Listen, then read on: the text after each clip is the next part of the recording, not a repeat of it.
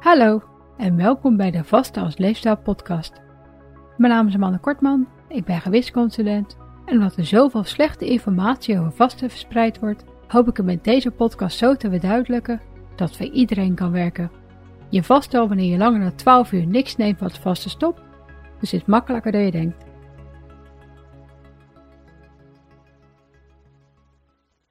Welkom bij aflevering 33. In deze aflevering bespreek ik de microvoedingsstoffen vitamines. In vergelijking met de macrovoedingsstoffen koolhydraten, vetten en eiwitten hebben we maar een klein beetje van deze voedingsstoffen nodig. En het woord micro is dan ook Grieks voor klein.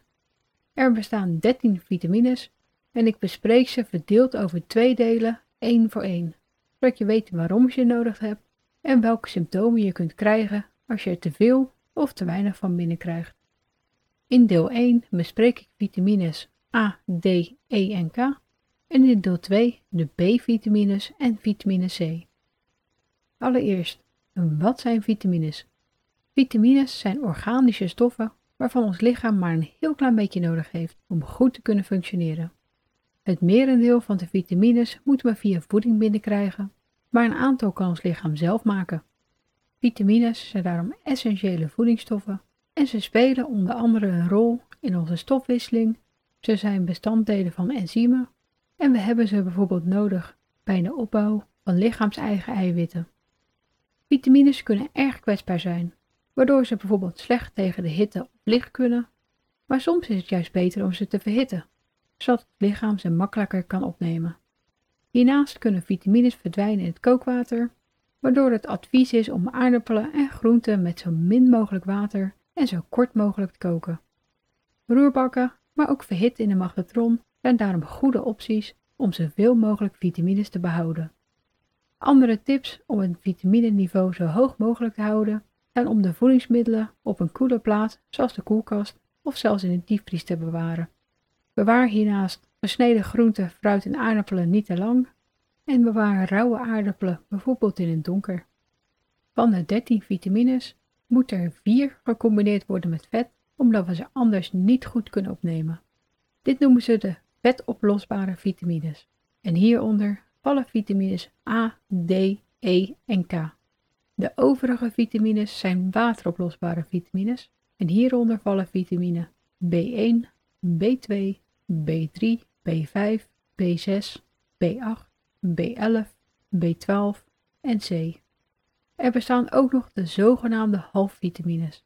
Dit zijn stoffen die in het verleden onterechte vitamine zijn genoemd, maar waarvan later is gebleken dat ons lichaam ze zelf voldoende kan aanmaken, waardoor ze niet onmisbaar zijn. Voorbeelden van halfvitamines zijn carnitine, choline, dit werd vroeger vitamine B4 genoemd, en inositol. En dan zijn er nog de onzinvitamines. Hieronder bevallen bijvoorbeeld bioflavonoïden, die ten onrechte vitamine P werd genoemd. Ons lichaam kan echter goed zonder en daarom worden ze niet meer als vitamine gezien. Voorbeelden van bioflavonoïden zijn citrine, rutine en quercetine. Van heeft hiernaast een tijd bekend gestaan als vitamine B15, maar hiervan is ook geen bewijs dat we het nodig hebben. B7, beter bekend als inositol en myo-inositol. B10, beter bekend als PABA, en B13, beter bekend als orootzuur, werden vroeger ook als vitamine gezien en zijn het volgens de verkopers ervan nog steeds. Maar zijn ook geen echte vitamines, dus deze bespreek ik verder niet. Supplementen die ze bevatten zijn dus onnodig en veel van de echte vitamines zijn voor velen ook onnodig als supplement.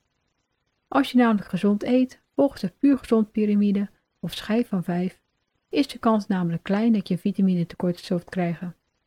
Tenzij je natuurlijk in een risicogroep valt. Onder deze risicogroepen kan je vallen vanwege een ziekte, aandoening, opnamestoornis, medicatie, medisch dieet, leeftijd, een zwangerschap en, in het geval van vitamine D, zelfs je huidskleur. En dan kan je ondanks heel erg gezond eten toch een tekort krijgen. Dit is dan ook de reden dat je ze zo makkelijk kunt kopen. Want er vallen, zoals je net hoorde, eigenlijk best wel veel mensen onder. Doordat mijn darmen niet goed werken, moet ik helaas ook bijslikken. Maar dit heb ik natuurlijk wel eerst laten controleren met behulp van een bloedtest bij mijn huisarts. Relatief veel mensen slikken vitamines voor de zekerheid.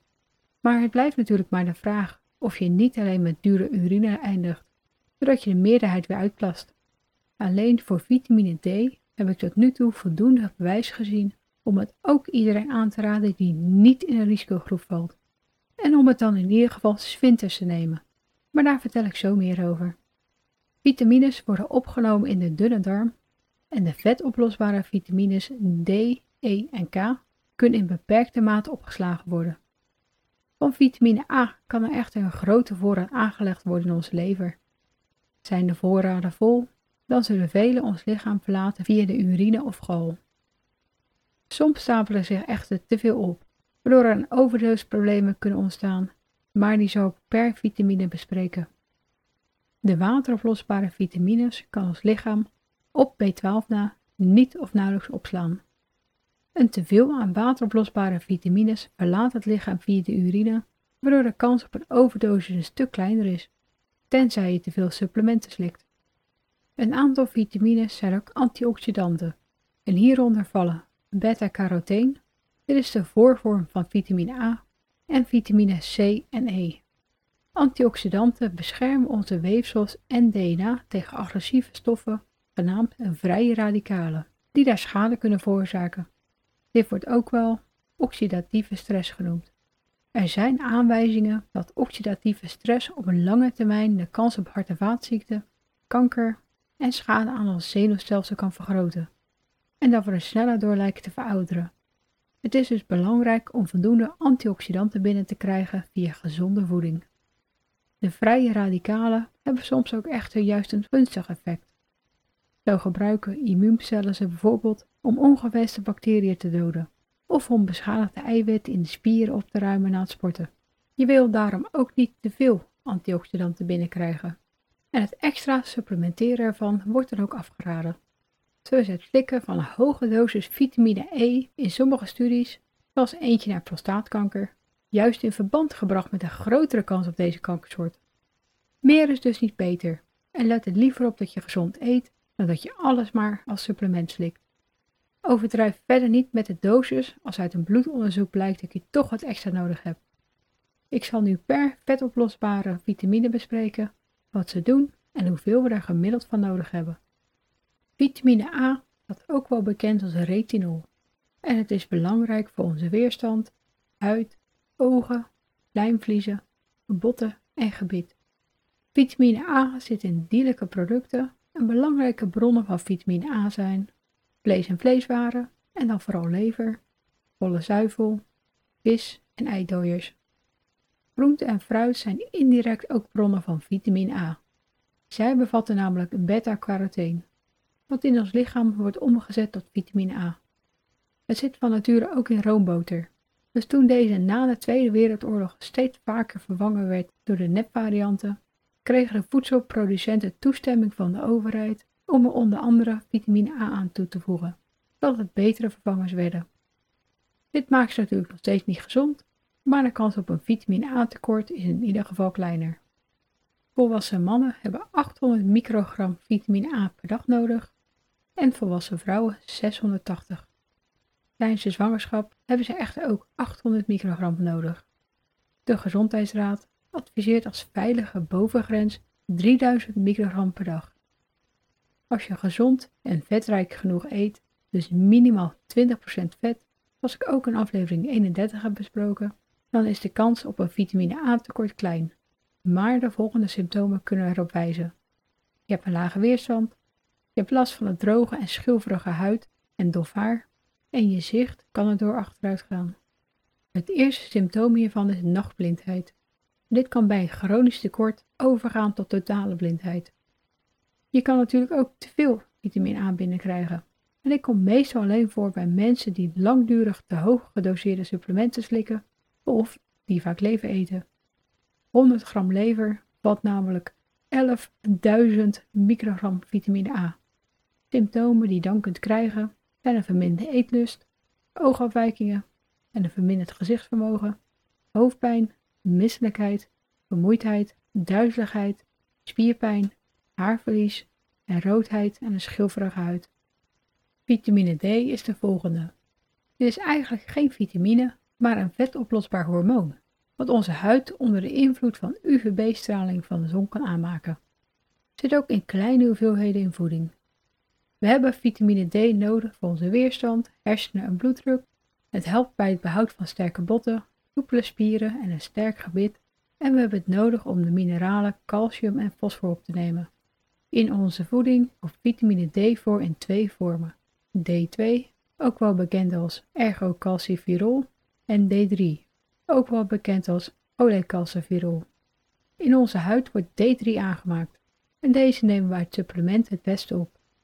Vitamine D3 komt alleen voor in dierlijke voedingsmiddelen en op de vette vissoorten zoals zalm en makreel en levertraan maar in kleine hoeveelheden.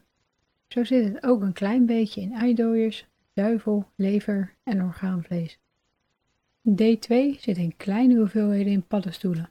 De wetenschappers zijn momenteel aan het experimenteren met het kweken van tomaten met D2, aangezien er wereldwijd zoveel mensen een tekort hebben. En net als vitamine A wordt ook vitamine D toegevoegd aan nepboters, zodat de kans op tekorten minder is. In roomboter zit namelijk van nature vitamine D, maar in de nepvarianten dus niet.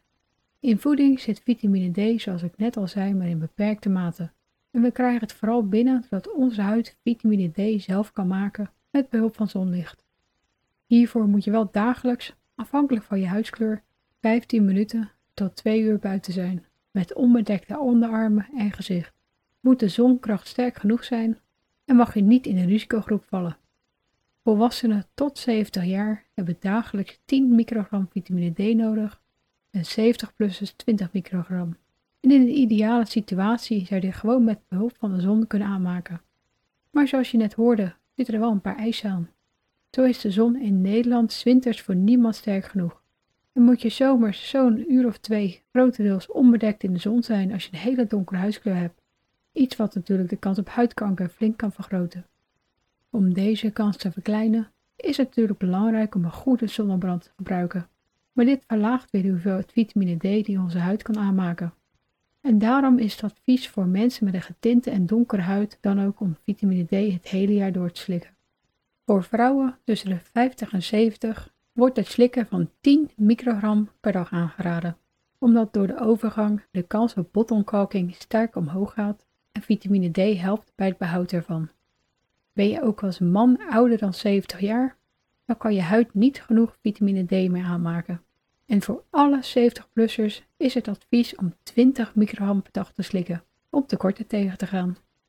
Zwangeren worden verder aangeraden om 10 microgram vitamine D per dag te slikken, omdat het de kans verlaagt op zwangerschapsdiabetes, een kind met een te laag geboortegewicht en astma-achtige symptomen bij het kind. Eet je veganistisch, dan is de kans op een vitamine D tekort iets groter dan het alleen voorkomt in dierlijke voeding. Het wordt daarentegen wel vaak toegevoegd aan plantaardige vervangers. Kom je niet vaak buiten, dan zou je niet genoeg zonlicht op je huid krijgen om voldoende vitamine D aan te maken. Dit geldt natuurlijk ook voor iedereen die met erg bedekkende kleding loopt. Ook dan is het advies om 10 microgram per dag te slikken. Als je zwaar overgewicht hebt, dan is de kans op een vitamine D tekort ook groter, zodat opgeslagen wordt in ons lichaamsvet en dit lichaamsvet wel moet kunnen gebruiken als energievoorraad. Iets waar vasten natuurlijk erg goed voor is. Het kan daarom ook verstandig zijn om dagelijks 10 microgram vitamine D te slikken.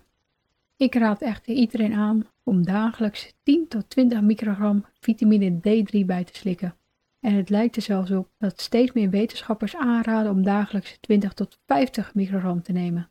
Maar de Gezondheidsraad houdt het voor nu alleen bij 10 tot 20 microgram per dag voor risicogroepen. Dus dit is voor de niet-risicogroepen waarschijnlijk al genoeg. En anders kan je het natuurlijk met je arts bespreken. In Europa heeft zo'n 40% een vitamine D tekort. En ik durf te wedden dat dit zwinters hoger is. Waardoor ik je in ieder geval wil aanraden om het sowieso zwinters te slikken. Ook als je niet in een risicogroep valt. Zwinters is de zonkracht gewoon niet sterk genoeg om zelf vitamine D aan te maken. En tegen die tijd zou je aardig door je zomervoorraad heen zijn. We kunnen namelijk maar voor een paar maanden vitamine D in ons vetweefsel opslaan. Vanaf een UV-index van 3, er wordt de zonkracht uitgedrukt, is deze hoog genoeg voor een lichte huid om binnen een half uur voldoende vitamine D aan te maken. En als je naar het filmpje van de KNMI kijkt, zie je dat het advies om vitamine D te slikken zodra de R in de maand zit, behoorlijk goed klopt. Op de UV-radar van buienradar kan je voor een paar dagen de verwachte zonkracht zien. En aan de hand daarvan kan je natuurlijk ook altijd bepalen wanneer je begint met bijslikken en wanneer je ermee stopt. Voor vitamine D is in Nederland de bovengrens vastgesteld op 100 microgram per dag. Maar hier kom je normaal gesproken alleen als je te veel vitamine D slikt, aangezien onze huid gewoon stopt met produceren ervan zodra we genoeg hebben. Als je een lange tijd te veel vitamine D slikt, kan dit schade aan je hart, nieren en bloedvaten veroorzaken, kan je calcium uit je botten verliezen en last krijgen van kalkafzettingen rondom de organen en weefsels en kan je nierstenen krijgen. Hiernaast kan je misselijk en slaperig worden en last hebben van een verminderde eetlust of obstipatie. Je wil natuurlijk ook geen tekort hebben, dit kan zorgen voor botontkalking, beter bekend als osteoporose, botverweking, dit staat ook wel bekend als osteomalacie en een slecht gebit, en het kan zorgen voor spierzwakte en spierkrampen. De volgende vetoplosbare vitamine is vitamine E. Deze staat ook wel bekend als tocopherol en het bevordert de opname van vitamine A en beta-carotene. Het helpt bij de stabiliteit van de membraansamenstelling van onze cellen en het is belangrijk voor de rode bloedcellen en spierweefsels. Vitamine E komt voor in plantaardige oliën en plantaardige producten zoals granen, noten, zaden, groenten, fruit en maar een heel klein beetje in dierlijke producten. Volwassen mannen hebben dagelijks 13 mg vitamine E nodig en volwassen vrouwen 11. De Gezondheidsraad heeft 300 mg per dag als maximale veilige dosis vastgesteld en een teveel aan vitamine E kan voor een verminderde opname van vitamine K zorgen. Tekorten van vitamine E zijn erg zeldzaam en het komt eigenlijk alleen voor als gevolg van een ernstige stoornis in de opname van voedingsstoffen en bij zeer gelimiteerde diëten. Mogelijke symptomen van een vitamine E tekort zijn bloedarmoede en schade aan de hersenen. Vitamine K is de laatste vetoplosbare vitamine. Het is belangrijk voor onze bloedstolling en botten en het is een van de weinige vitamines die ons lichaam zelf aanmaakt. Een deel van de vitamine K die we dagelijks nodig hebben, wordt vanaf het moment dat we een maand of drie oud zijn door bacteriën in onze dikke darm gemaakt. De vitamine K die we zelf aanmaken is vaak echter niet genoeg voor onze dagelijkse behoeften, waardoor het belangrijk is om het ook uit onze voeding te halen. Vitamine K is onder te verdelen in K1, ook wel bekend als filoginon, en K2, ook wel bekend als menacunone. K1 zit vooral in groene bladgroenten, plantaardige oliën, fruit, zuivel en granen. En K2 zit vooral in kaas, eieren en vlees. Volwassenen hebben dagelijks 70 microgram vitamine K1 nodig, maar er is geen advies vastgesteld voor K2. Er is geen bovengrens voor het innemen van vitamine K, omdat er weinig nadelige gevolgen van bekend zijn. Maar het kan leiden tot braken en een verhoogde bloedafbraak. En als je meer dan 100 microgram per dag binnenkrijgt en antistollingsmiddelen slikt, kan dit de werking ervan verminderen. Een tekort kan leiden tot het snel krijgen van blauwe plekken, interne bloedingen en een vertraagde bloedstolling. Ik hoop dat je nu wat meer weet over wat vitamines zijn, waarom we de vetoplosbare vitamines nodig hebben. En in deel 2 bespreek ik de wateroplosbare B-vitamines en vitamine C. En eh, PS, ik hoop dat ik alles goed heb uitgesproken. En anders kan je in ieder geval de namen van de vitamines terugvinden in de beschrijving.